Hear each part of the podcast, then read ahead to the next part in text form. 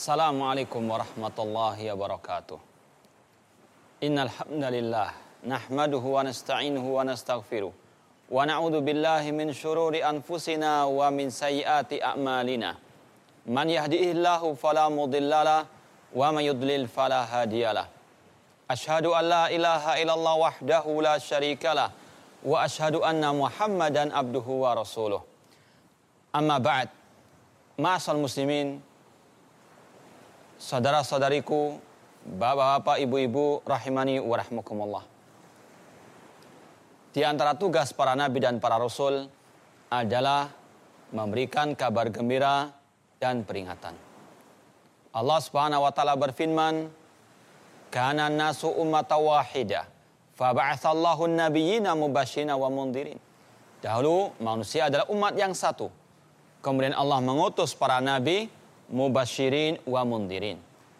Tugas mereka adalah memberikan kabar gembira dan memberikan peringatan. Ma'asal muslimin rahimani wa rahmukumullah. Pada kesempatan yang berbagi ini, marilah kita bersama-sama mempelajari dua hal yang saling bertentangan. Yang satu mengarahkan manusia kepada kebahagiaan yang hakiki di dunia maupun di akhirat. Yang kedua mengarahkan manusia ke dalam kesengsaraan, ke dalam kebinasaan di dunia maupun di akhirat. Dua hal tersebut adalah as-sunnah dan al-bid'ah. Masa muslimin rahimani wa rahmukumullah. Sebelum kita menjelaskan tentang apa keutamaan-keutamaan mengikuti sunnah, maka terlebih dahulu kita perlu memahami apakah itu as-sunnah. Kata para ulama, as-sunnah jika dimutlakan di antara maknanya adalah minhaju hayati Rasul sallallahu alaihi wasallam. Jalan hidupnya ar-Rasul sallallahu alaihi wasallam. Yang mana Rasul SAW bersabda, "Alaikum bisunnati wa sunnatil khulafa ar-rasyidin al-mahdiyyin." Wajib bagi kalian berpegang teguh dengan sunnahku dan sunnah para khulafa ar-rasyidin. Dalam kesempatan lain Rasul mengatakan, "Man raghiba an sunnati falaysa minni." Barang siapa yang enggan mengikuti sunnahku, maka dia bukan dari golonganku. Banyak sekali di dalam ayat-ayat Al-Quran ataupun hadis-hadis Rasulullah SAW yang menjelaskan kepada kita tentang keutamaan orang-orang yang mengikuti sunnahnya Rasul Wasallam. Yang pertama, dan ini adalah yang paling utama, yaitu bahwasannya orang yang mengikuti sunnahnya Rasul, yang mengikuti tuntunannya Rasul, mengikuti metode hidupnya Rasul, maka surga baginya. Allah Subhanahu wa taala berfirman, "Tilka hududullah wa man yuti'illaha wa rasulahu yudkhilhu jannatin tajri min tahtil anharu khalidina fiha wa dzalikal fawzul azim." Itulah batasan-batasan Allah dan barang siapa yang mentaati Allah dan Rasulnya, maka Allah akan memasukkannya ke dalam surga yang mengalir di bawahnya sungai-sungai, mereka kekal di dalamnya selama-lamanya, dan itulah kemenangan yang besar.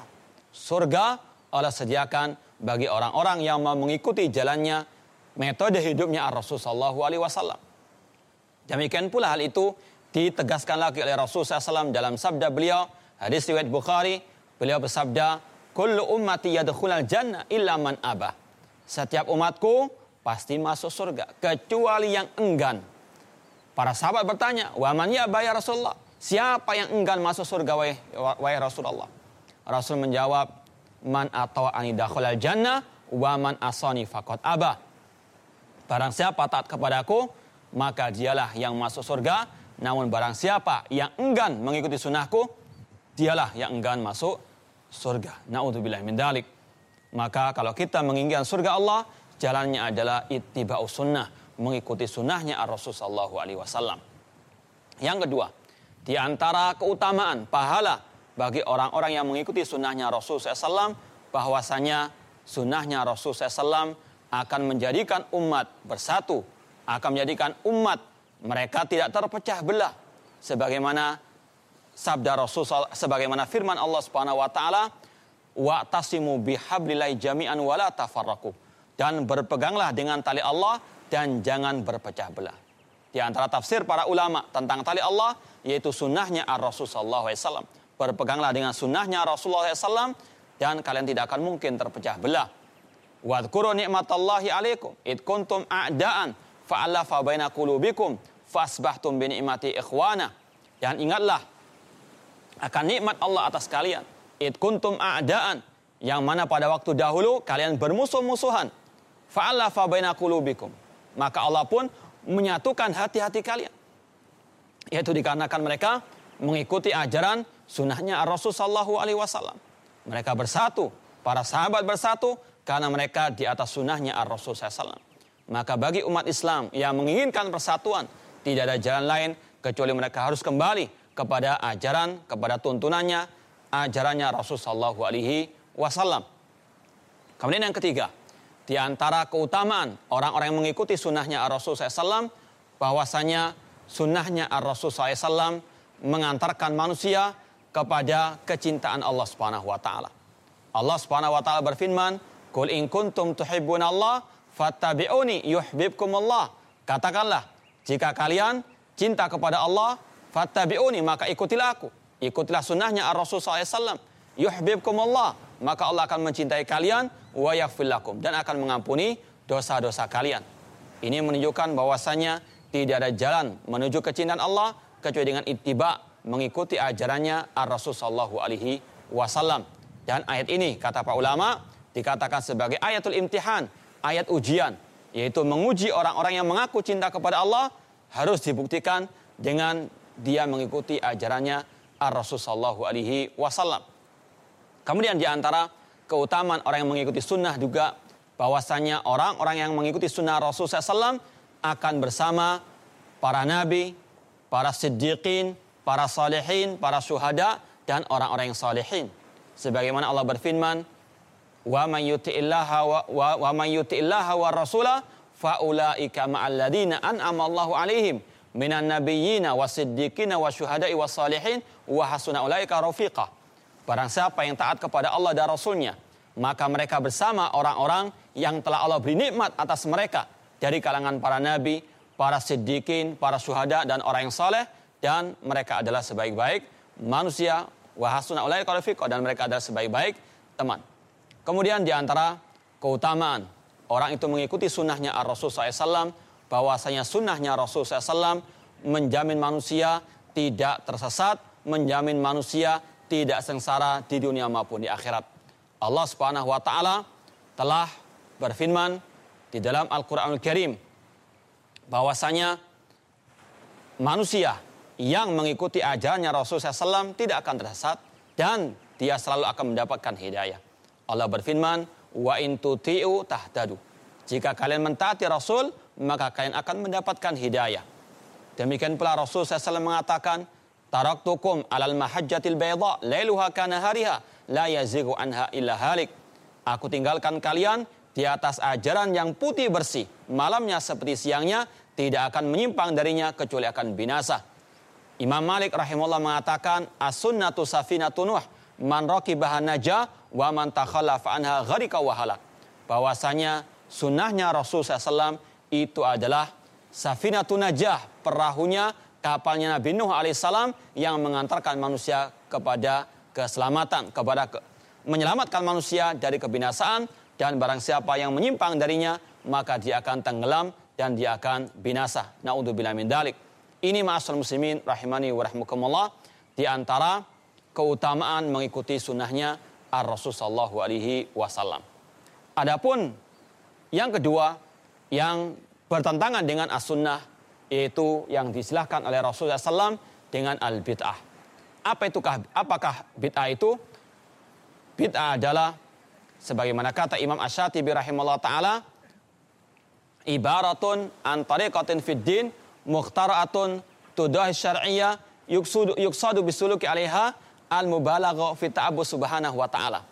Bahwasanya al-bid'ah adalah suatu jalan yang diadakan dalam syariat yang menyerupai syariat padahal itu bukan syariat yang tujuan pelakunya berlebihan dalam melaksanakan ibadah kepada Allah Subhanahu wa taala.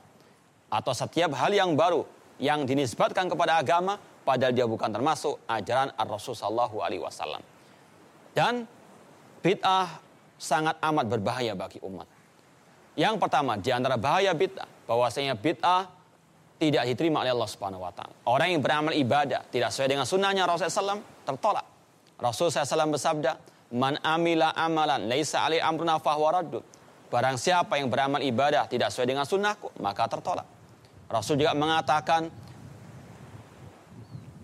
"Man ahdatha fi amrina hadza ma laysa minhu fahuwa raddud." Barang siapa mengada-adakan ajaran baru dalam Islam, maka ditolak oleh Allah Subhanahu wa taala. Kemudian yang kedua, orang yang berbuat kebid'ahan termasuk orang yang merugi di dunia maupun di akhirat. Allah berfirman, "Qul hal nunabbi'ukum bil aksarina a'mala alladzina dhalla sa'yuhum fil hayati dunya wa hum yahsabun annahum yuhsinuna sunnah." Katakanlah, apakah kami akan memberitahukan kepada kalian orang-orang yang merugi, yaitu orang-orang yang telah tersesat di dunia ini namun mereka merasa telah berbuat yang sebaik-baiknya. Kemudian yang ketiga, di antara bahaya bid'ah, bahwasanya bid'ah telah men, atau pelaku kebid'ahan telah menuduh Rasul SAW mengkhianati agama Allah Subhanahu wa taala. Rasul SAW telah menyampaikan semuanya kepada kita.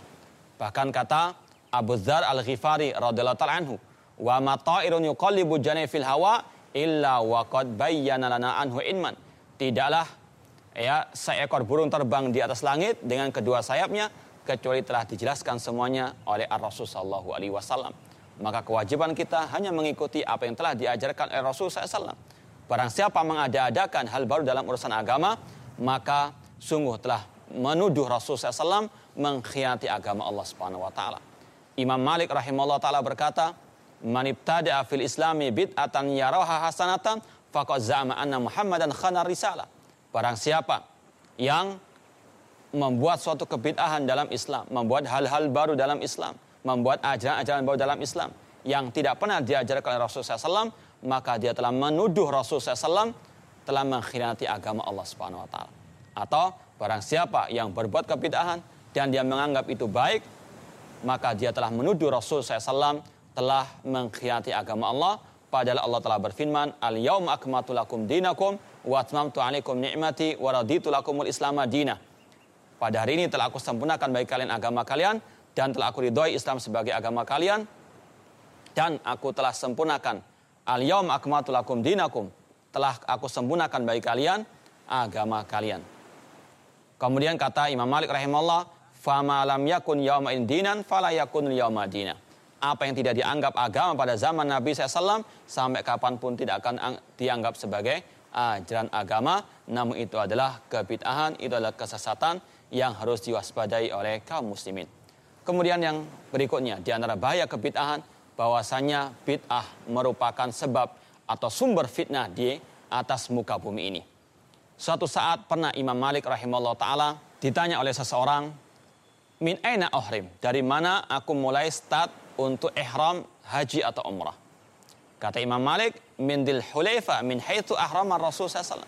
Dari dul hulaifa, dari dari tempat yang Rasul SAW berihram. Kemudian kata orang tersebut, bagaimana kalau aku berihram dari sisi kubur Nabi Shallallahu Alaihi Wasallam? Kata Imam Malik, la taf'al, fa ini aksha alaikal fitnah. Jangan engkau lakukan hal tersebut, karena aku khawatir engkau akan mendapatkan fitnah. Kemudian kata orang tersebut, wa'yu fitnah. Fitnah apa yang akan menimpa? Padahal aku hanya sekedar menambah beberapa mil saja. Apa kata Imam Malik rahimahullah ta'ala? Wa'yu fitnatin a'zam min annaka taro qad sabaqta ila fadilatin qasar anha Rasulullah SAW. Fitnah mana yang lebih besar daripada engkau menganggap dirimu telah mendapatkan keutamaan yang tidak didapatkan oleh Rasul Sallallahu Alaihi Wasallam. Ini menunjukkan bahwasanya bid'ah merupakan sumber fitnah. Kemudian Imam Malik membacakan ayat falyahdzaril ladina yukhalifuna an amrihi an tusibahum fitnatun aw yusibahum adzabun alim. Maka berhati-hatilah orang-orang yang menyelisih ajarannya Rasul SAW untuk mereka ditimpa suatu fitnah atau azab yang pedih. Kemudian kata para ulama di antara bahaya bid'ah bahwasanya bid'ah itu pelakunya, pembuatnya telah mensejajarkan dirinya dengan Allah Subhanahu wa taala sebagai sang pembuat syariat. Allah Subhanahu wa taala berfirman, "Am lahum syuraka'u syara'u lahum minad dini ma lam ya'dam bihillah." Apakah mereka memiliki sekutu-sekutu bagi Allah yang mensyariatkan agama yang tidak diizinkan oleh Allah Subhanahu wa taala? Harus kita yakini yang berhak membuat syariat adalah Allah Subhanahu wa taala. Maka kalau ada orang berani membuat syariat, maka dia telah mensejajarkan dirinya dengan Allah Subhanahu wa taala. Kemudian di antara bahaya bid'ah kata para ulama bahwasanya al bid'atu baridul kufri. Bid'ah merupakan jembatan menuju kepada kekafiran. Seorang ulama al-sunnah wal jamaah yang bernama Imam al-Barbari dalam kitab Syarh Sunnah mengatakan, Ihdar sigar al-muhdathati minal umur. Berhati-hatilah kalian dari hal-hal yang baru meskipun kecil. Fa innaha ta'ud hatta tasira kibar. Karena hal itu akan terulang dan terulang dan akan menjadi besar.